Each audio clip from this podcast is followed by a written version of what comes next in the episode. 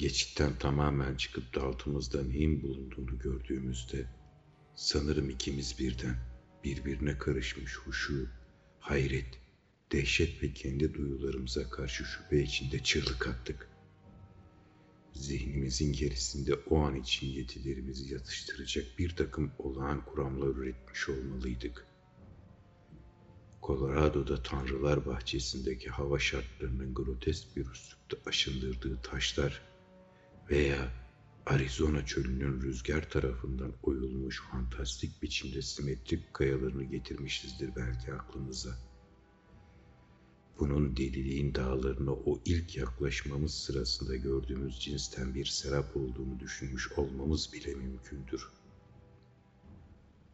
Gözlerimiz o sınırsız, kasırgaların izlerini taşıyan platoda gezinirken bir abidevi, düzgün, geometrik şekilde ahenkli taş kütlelerini kavrarken aklımızdan bir takım normal fikirler geçirmiştik herhalde. Bu taşların yıkılmış ve delik deşik olmuş kalıntıları en kalın yerinde 10-15 metreyi geçmeyen çoğu yerde daha da ince olduğu aşikar bir buzul örtüsünün içinden fışkırmışlardı. Ve yabanıl manzaranın etkisi tarif edilemezdi. Çünkü bilinen doğa kanunlarının şeytanca çiğnendiği ortadaydı başlangıçta.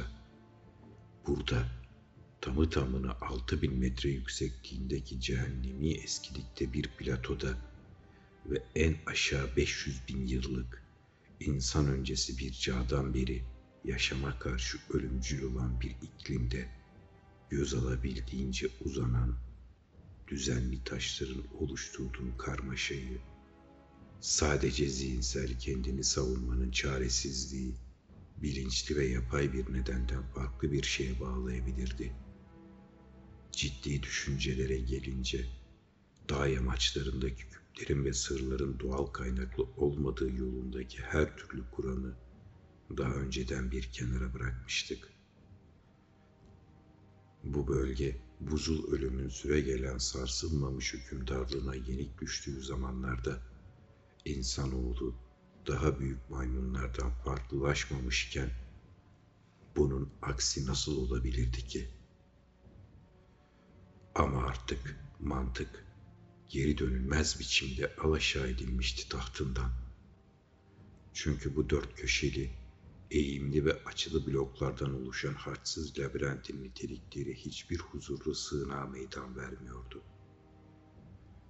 Bu çok net bir şekilde, eksiksiz, kaçınılmaz ve nesnel olarak o serabını gördüğümüz şeytani şehrin gerçek haliydi. O lanetli belirtinin maddi bir temeli vardı demek ki.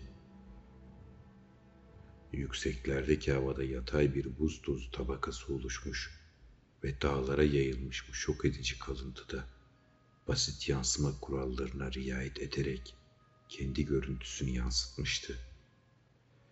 Elbette gördüğümüz hayal çarpık ve abartılıydı. Asıl kaynağında olmayan şeyler içeriyordu. Buna karşın o anda suretin aslına bakarken onun uzaktaki hayalinden daha iğrenç ve tehdit edici olduğunu düşündük. Bu korkunç şeyi kasvetli bir yaylanın kasırgaları arasındaki yüz binlerce, belki de milyonlarca yıllık bekleyişi boyunca mutlak bir yok oluştan alıkoyan, sadece o devasa taş kulelerin ve surların insanlığa yaraşmayan büyüklüğü olmuştu. Koronamundi dünyanın çatısı aşağıdaki inanılmaz manzaraya sersemlemiş halde bakarken dilimizin ucuna her türden fantastik ifadeler geldi. Bu ölü Antarktika diyarına geldiğimden beri ısrarla huzurumu kaçıran korku dolu ilksel mitleri, Lang'in, Migo'nun şeytani platosu ya da Himalyaların iğrenç kar adamı, insan öncesi çağrışımlar yapan pnakotik el yazmalarını, kutulu kültünü, Necronomicon'u, biçimsiz Tzatgua'dan bahseden Iboria efsanelerini ve bu yarı varlıkla birlikte adı anılan daha kötü, biçimsiz yıldız döllerini düşündüm bir kez daha. Bu şey çok az bir incelemeyle her yöne doğru sonsuz miller boyunca uzanıyordu. Gerçekten de gözlerimiz bu şeyi asıl dağ kenarından ayıran aşamalı bayırlar boyunca sağa ve sola doğru takip ettikçe aşıp geldiğimiz geçidin solundaki bir kesinti dışında hiçbir inceleme görmediğimize karar verdik. Şans eseri hesaplanamaz boyutlardaki bir şeyin sınırlı bir yerine denk gelmiştik. Bayırların üzerine grotesk taş yapılardan daha hızlı serpiştirilmişti. Korkunç şehri belli ki dağdaki ileri karakollarını oluşturan ve daha şimdiden bize alışıldık gelen küpler ve surlara bağlıyorlardı. Bu surlar ve o tuhaf mağara ağızları en az dağın öbür yüzünde olduğu kadar yoğunlardı. İsimsiz taş labirent çoğu yerde buzsuz, yüksekliği 3 ila 4,5 metre kalınlığı ise 1,5 ile 3 metre arasında değişen duvarlardan meydana gelmişti. Çoğunlukla koyu renkli ezeli kayağın taş, şist ve kum taşı, koca koca blokların şaşılacak birleşimiydi. Çoğu örnekte 1.2 çarpı 1.8 çarpı 2.4 metreye ulaşıyordu bloklar. Gerçi birkaç yerde yekpare, pürüzlü bir kambirya öncesine ait kayağın taş yatağından oyulmuş gibiydiler.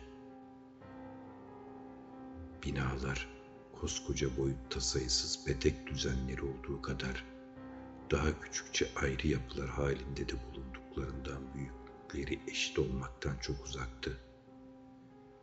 Bu şeylerin genel şekilleri konik, piramidimsi ya da taraçalıydı.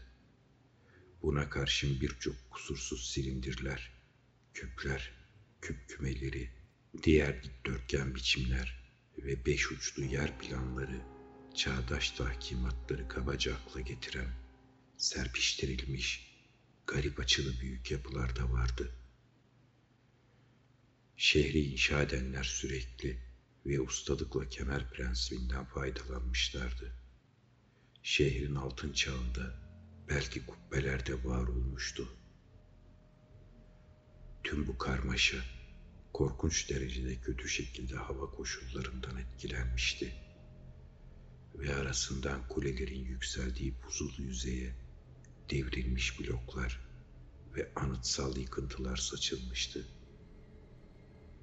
Buzullaşmanın şeffaf olduğu yerlerde devasa direklerin kaidelerini ve türlü kuleleri birbirlerine farklı yüksekliklerden bağlayan buzların koruduğu taş köprüleri görebiliyorduk. Çıplak duvarlarda aynı cinsten başka ve daha yüksek köprülerin bulunduğu iz kalmış yerlerin farkına varabildik. Daha yakından yapılan bir inceleme sayısız büyük pencereyi ortaya çıkardı. Bazıları aslında tahta olan taşlaşmış kepenklerle örtülüydü. Ama çoğu netameli ve tehditkar bir şekilde açıktı. Harabilerin çoğu tabii ki çatısızdı ve yukarı uçları rüzgar tarafından yuvarlanmış da olsa düzensizdi. Bazıları ise etrafını saran daha yüksekçe binalar tarafından korunduğundan daha keskin konik ya da piramidal modeldeydi. Her yeri saran çöküş ve çopurlanmaya rağmen ana hatlarını bozulmadan korumuşlardı. Dürbünle yatay şeritler halinde oyma süslemelere benzeyen şeylerin ne olduğunu güçlükle seçebildik. Tarihi sabun taşların üzerindeki mevcudiyeti artık çok daha büyük bir önem ifade eden o tuhaf nokta kümelerinde içeren süslemeleri birçok yerde binalar tamamen yerle bir olmuştu ve buz tabakası çeşitli jeolojik sebeplerden dolayı derince yarılmıştı. Diğer yerlerde taş işlemeler yıpranarak buzullaşmanın seviyesine kadar inmişti. Platonun içinden geçtiğimiz geçitin iki kilometre kadar solunda bayırlardaki bir gediye kadar uzanan geniş bir şeridin üzerinde hiç bina yoktu. Bunun belki de üçüncü zamanlarda milyonlarca yıl önce şehrin içinden akıp büyük bariyer sıra dağların içinde muazzam bir yeraltı uçurumuna dökülen büyük bir nehrin yatağı olduğuna karar verdik.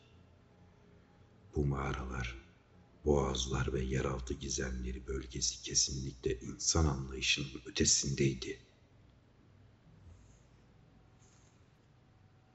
Geriye dönüp de hissettiklerimize bakınca ve insanlık öncesinden kaldığını düşündüğümüz çağlarca eski bu ucube yıkıntıyı gördüğümüz anki şaşkınlığımızı anımsadıkça o dengeli dış görünüşümüzü nasıl korumuşuz hayret etmekten fazlası gelmiyor elimden.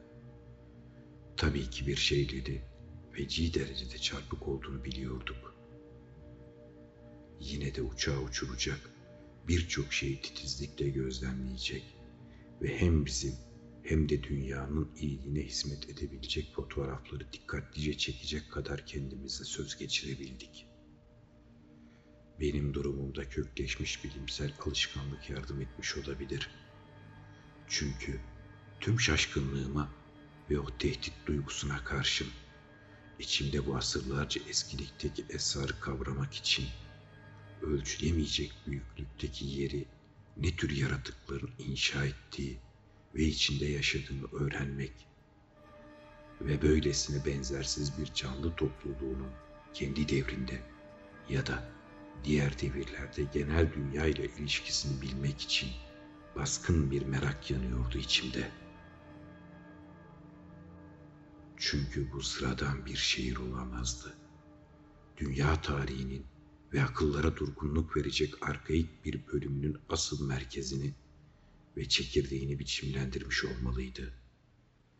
Bu tarihin artık sadece en çapraşık ve çarpıtılmış mitlerde belli belirsiz hatırlanan dışa dönük uzantıları daha bildiğimiz hiçbir insan ırkı ayaklarını sürüyerek maymunlar ailesinden ayrılmadan çok önceleri yer sarsıntılarının kaosu arasında sonsuza dek yitip gitmişti. Burada yayılmış olan dördüncü zamana ait dev şehir ile mukayese edildiğinde efsanevi Atlantis ve Lemuria, Gomyrkium ve Uzadron, Lomar ülkesindeki Olate bugüne ait şeylerdi. Düne bile değil. Öyle bir dev şehir ki Valusia, Riley, Mınar diyarındaki İp ve Arap çölündeki Ats şehir gibi ismi fısıltıyla anılan insanlık öncesi küfürlerle eş tutulabilirdi. Bu çıplak devasa kulelerin karmaşası üzerinde uçarken imgelemim bazen tüm zincirlerinden kurtulup amaçsızca fantastik çağrışımların aleminde dolaşıyordu. Hatta bu kayıp dünya ile kamptaki çılgınca dehşete dair en çılgınca hayallerim arasında bile ilişkiler kuruyordu.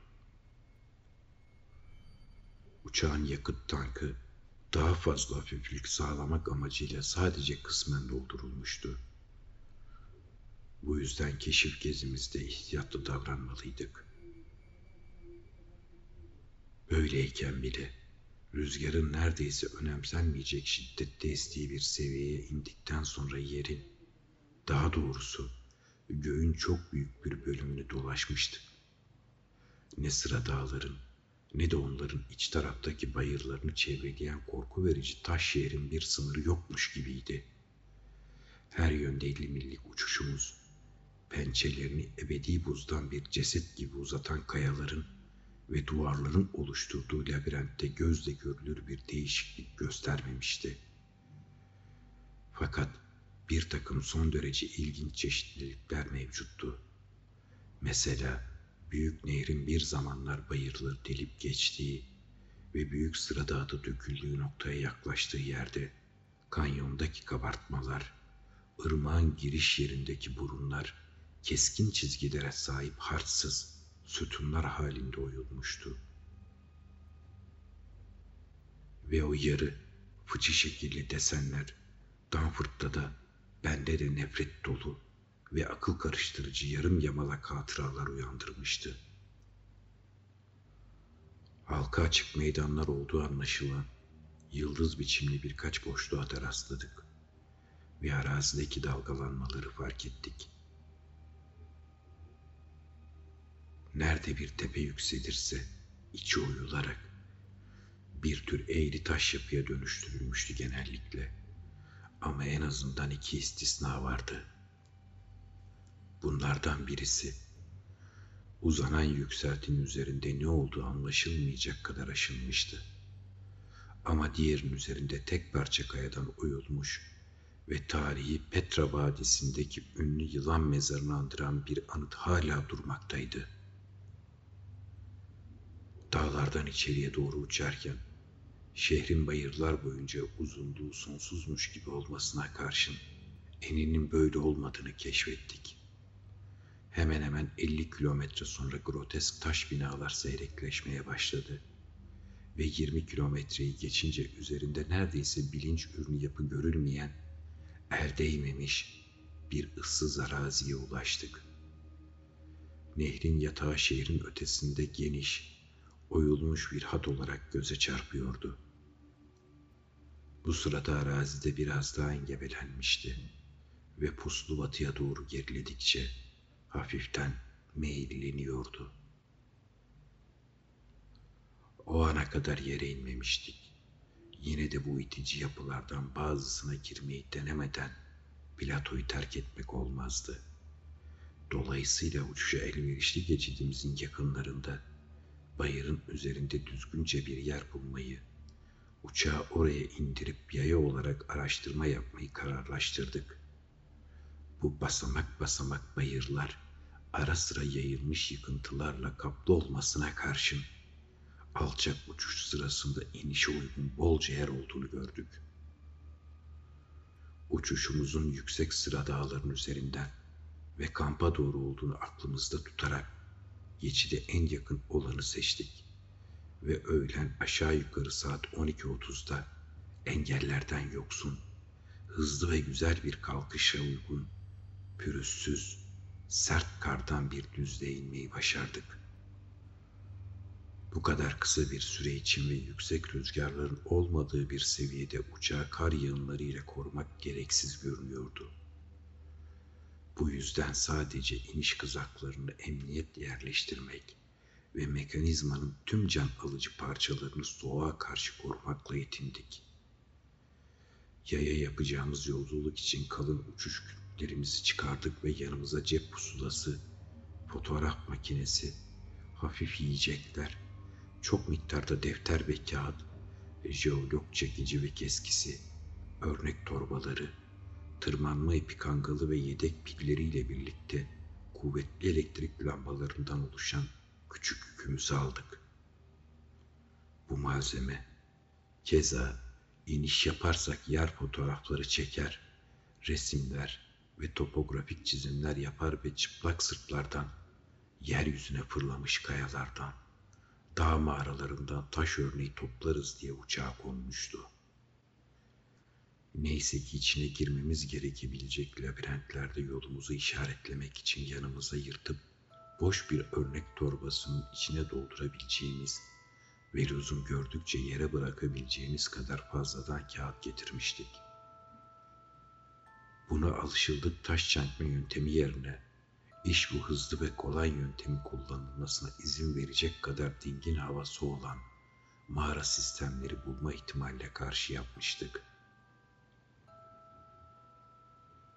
Menevişlenen batı göğünde bir hayal gibi beliren müthiş labirente doğru kabuk kabuk olmuş karın üzerinden dikkatle yokuş aşağı inerken dört saat önce o anlaşılmaz daha geçidine yaklaştığımızda hissettiğimiz kadar güçlü bir mucizeyle karşılaşma hissi duyuyorduk. Doğru, engel doruklarını gizlediği inanılmaz gizemle görsel bakımdan aşinalık kazanmıştık.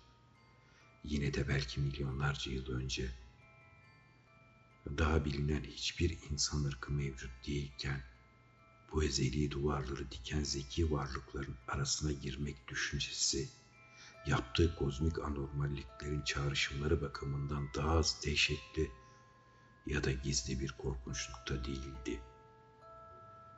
Bu yüksek rakımda havanın inceliği hareketlerimizi her zamankinden biraz daha güçleştirse de Danford ve ben kendimizi gayet iyi dayanır bulduk ve payımıza düşecek hemen her işi yapabileceğimizi hissettik. Karla aynı seviyeye ininceye kadar aşınmış biçimsiz harabeye ulaşmamız sadece birkaç adım aldı. 50-60 metre ötede devasa beş uçlu çizgileri hala tam duran ve 3 metrelik düzensiz bir yüksekliğe ulaşan çatısız büyük bir sur vardı.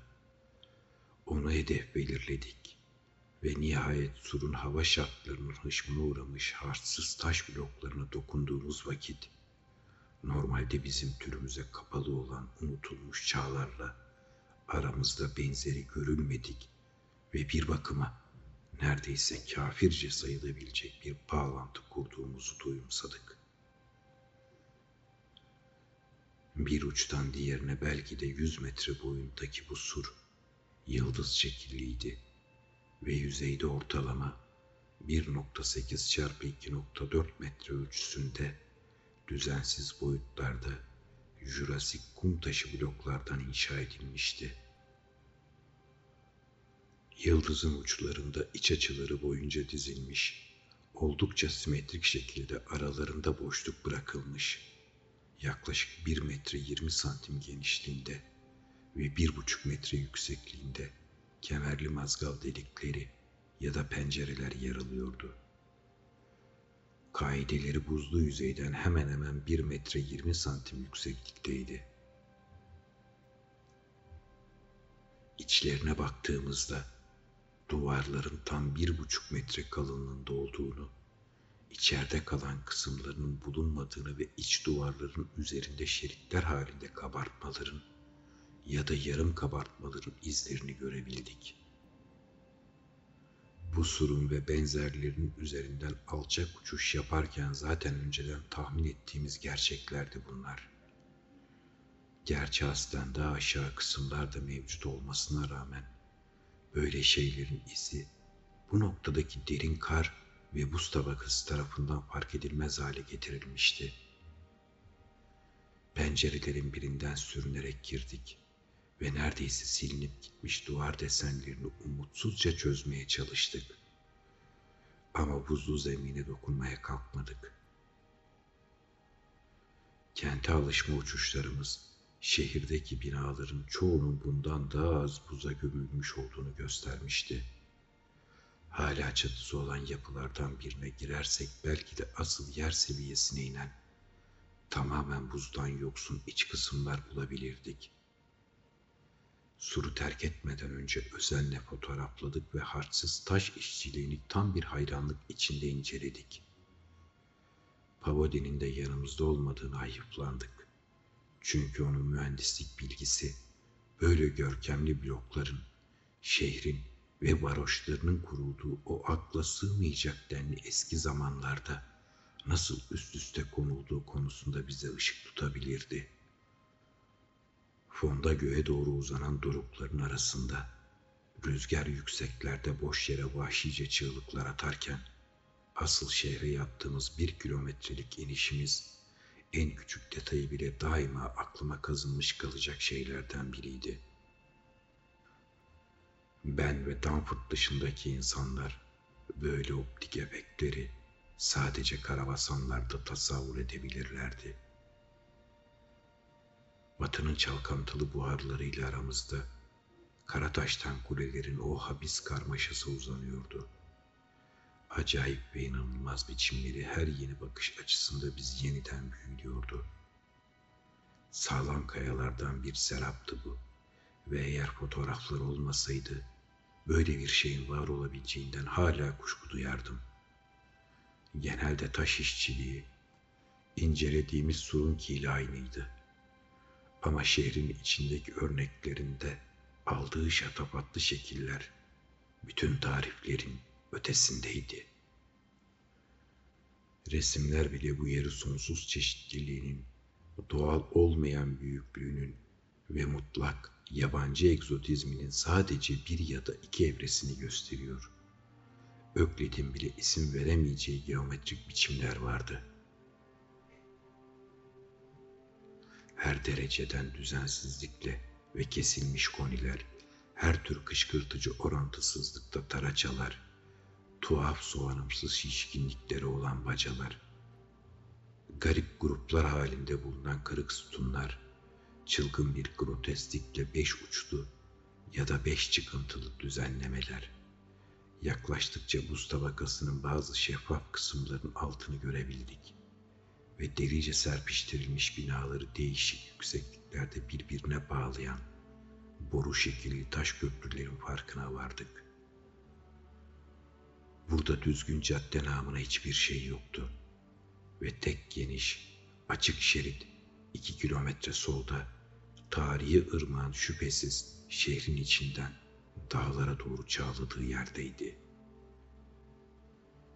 Dürbünlerimiz dışarıda neredeyse silinmiş yatay şeritler halinde yoğuntuların ve nokta kümelerin sayıca fazla olduğunu gösterdi. Ve çatılarla kulelerin tepesinin büyük kısmının yok olmuş olmasına rağmen şehrin bir zamanlar neye benzediğini neredeyse hayal edebildik. Sağlam haliyle şehir, kıvrımlı, daracık yolların ve ara sokakların grafit bir karışımıydı. Sokakların hepsi de derin kanyonlardı. Bazıları üzerlerinde asılı duran taşlar ve kemerli köprüler sayesinde tünellerden biraz daha iyi durumdaydılar. Şehir şimdi önümüzde uzanırken kuzey ucuna doğru kırmızımsı, alçak kutup öğle güneşinin ışımaya çaba gösterdiği, batıya doğru bir sise sırtını vermiş bir düş fantezisi gibi belirmişti. Ve güneş bir an için daha yoğunca bir engelle karşılaşıp da manzarayı geçici bir gölgenin içine soktuğunda, efekt asla anlatmayı beceremeyeceğim ince bir tehdit ediciliğe bürünüyordu.'' şehre inişimizin son safhası alışılmadık derecede dik ve sarptı. Meyilin değiştiği uçtaki bir kaya çıkıntısı bize burada bir zamanlar yapay bir taraçanın var olduğunu düşündürdü. Buzlanmanın altında bir takım basamaklar ya da onlara karşılık gelen bir şeyler olduğuna inanıyorduk. Nihayet şehrin ta kendisine girdik devrilmiş taşların üzerinden tırmanıyor ve her yeri saran çöküntünün ve çiçek bozuğu duvarların insanı cüceleştiren yüksekliği ve zulmedici yakınlığı karşısında eziliyorduk. Hislerimiz gene öyle bir hal almıştı ki kendimizi bu derece kontrol edebilmemize şaşırıyordum. Danford basbayağı diken üstündeydi ve kamptaki dehşet hakkında konu dışı tiksindirici spekülasyonlar yapmaya başlamıştı. Bu kabustan çıkma hastalıklı antik harabelerin birçok niteliğinin bize dayattığı kesin sonuçları paylaşmak zorunda kaldığım için daha da içerlemiştim. Spekülasyonlar onun hayal gücünü de etkiliyordu. Örneğin bir yerde molozların saçılmış olduğu bir ara sokağın keskin bir köşeyi döndüğü noktada hoşuna gitmeyen yer işaretlerinin silik izlerini gördüğünde ısrar ediyordu. Bir başka yerde de belirsiz bir kaynaktan gelen hafif, hayali bir ses dinlemek için durakladı. Dağ mağaralarındaki rüzgarın sesinden farklı olmayan, boğuk bir müzikal ıslık sesi olduğunu söyledi. Etrafımızı saran mimarinin ve birkaç ayırt edilebilir duvar resminin arabesklerin sürekli beş köşeliliği, elinden kaçamadığımız uğursuzca ölgün bir çağrışımı vardı ve bize bu kutsanmamış yeri dikmiş ve içinde hayat sürmüş olan ilkel varlıklarla ilgili bilinçaltında korkunç bir kesinliği işaret ediyordu. Bununla birlikte bilimsel ve macera perest ruhumuz tamamen ölmemişti ve taş yapılarda mevcut bulunan tüm değişik kaya tiplerinden örnekler alma işimizi mekanik bir şekilde icra ediyorduk. Bu yerin yaşına dair iyi neticelere varabilmek için oldukça kapsamlı bir koleksiyon toplamayı amaçlıyorduk. Büyük dış duvardaki hiçbir şey, Jurassik ve Komakien dönemlerinden daha sonra geliyor gözükmüyordu. Ve bu yerdeki tek bir taş parçası bile üst Neojen çağından daha yeni değildi. Tam bir kesinlik içinde, en azından 500 bin yıl önce ve kuvvetli bir olasılıkla daha uzun süre hüküm sürmüş ölümün içinde dolaşıyorduk. Bu taşların gölgelediği alaca karanlığın labirentinde ilerlerken uygun olan tüm açıklıklarda duruyor, içlerini ve giriş ihtimallerini araştırıyorduk. Bazıları uzanamayacağımız yerlerdeydi. Bir kısmı da tepedeki surlar gibi çatısız ve çıplak. Buzla kaplı harabelere çıkıyordu. Birisi gayet geniş ve davetkar görünmesine rağmen görünürde dipsiz ve inişi mümkün olmayan bir uçuruma açılıyordu. Ara sıra sağlam kalmış bir kepengin artık taşa dönmüş ahşabını inceleme fırsatı buluyorduk. Ve hala görülebilir damar düzenindeki düşsel eskiliği bizi etkiliyordu.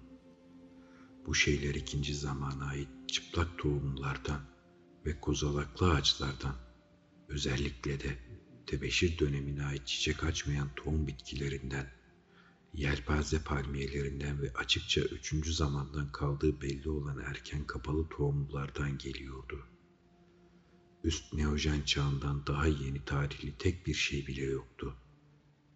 Kenarları garip ve çoktan kaybolmuş menteşelerin izlerini taşıyan bu kepenklerin kullanımı yerine göre değişiyordu. Kimi derin kapı boşluklarının içinde, kimi de dışındaydı. Yerlerine sıkıştırılmışlar. Böylece eski ve belki de madeni olan fikstür ve çengellerinin paslanmasından kurtulmuşlardı.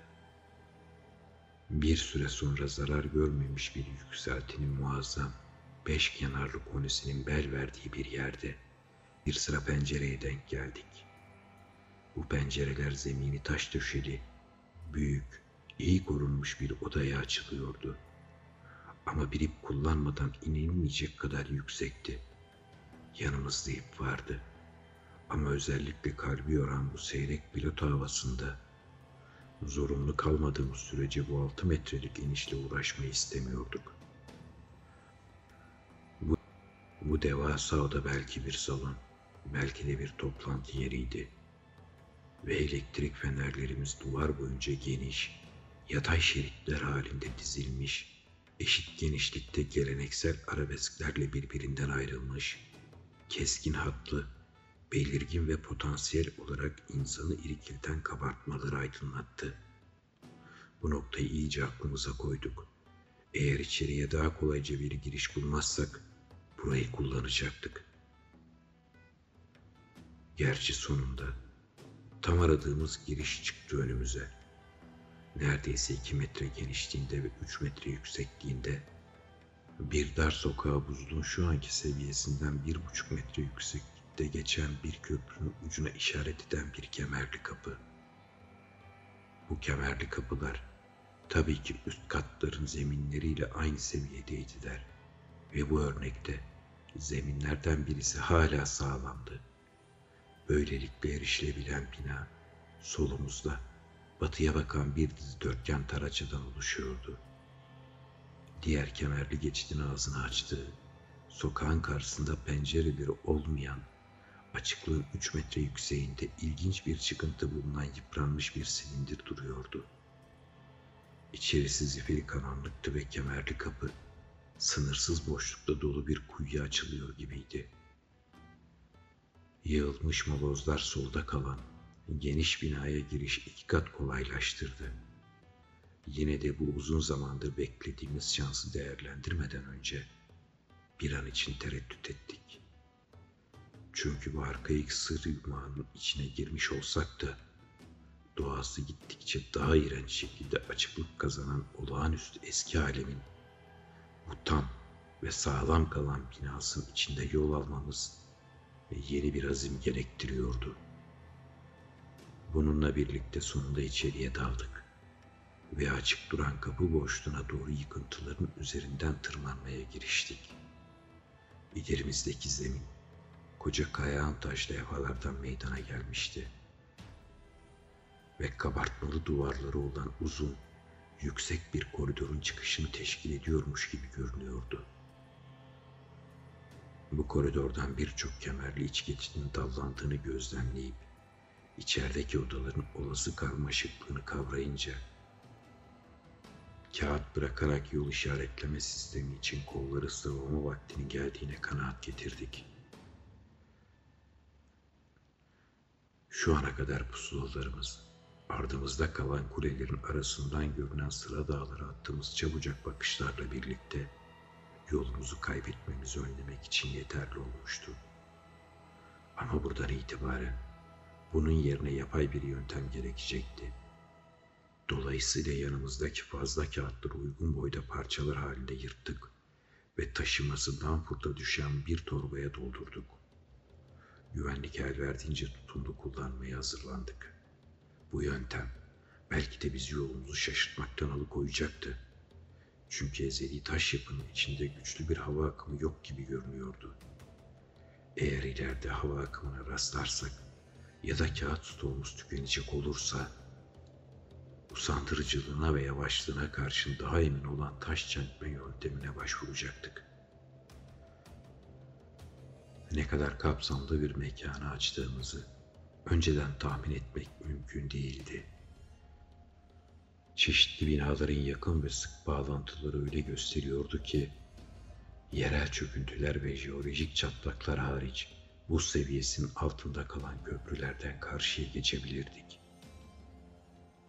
Çünkü bu devasa yapıların içinde pek az buzlanma vardı. Neredeyse buzun şeffaf olduğu her yerden buzun altına gömülmüş ve sanki şehir buzul katmanı mütakip tüm zaman boyunca kristalleştirsin diye o tek düz halde bırakılmışçasına kepenkleri sımsıkı örtülmüş pencereler görülüyordu. Gerçekten de bu yer birdenbire gelen bir afet ya da yavaş yavaş çürümeyle alt edilmiş değil de sanki belirsiz geçmiş çağlarda kasten kapatılmış ve terk edilmiş gibi bir tuhaf izlenim bırakıyordu insanda.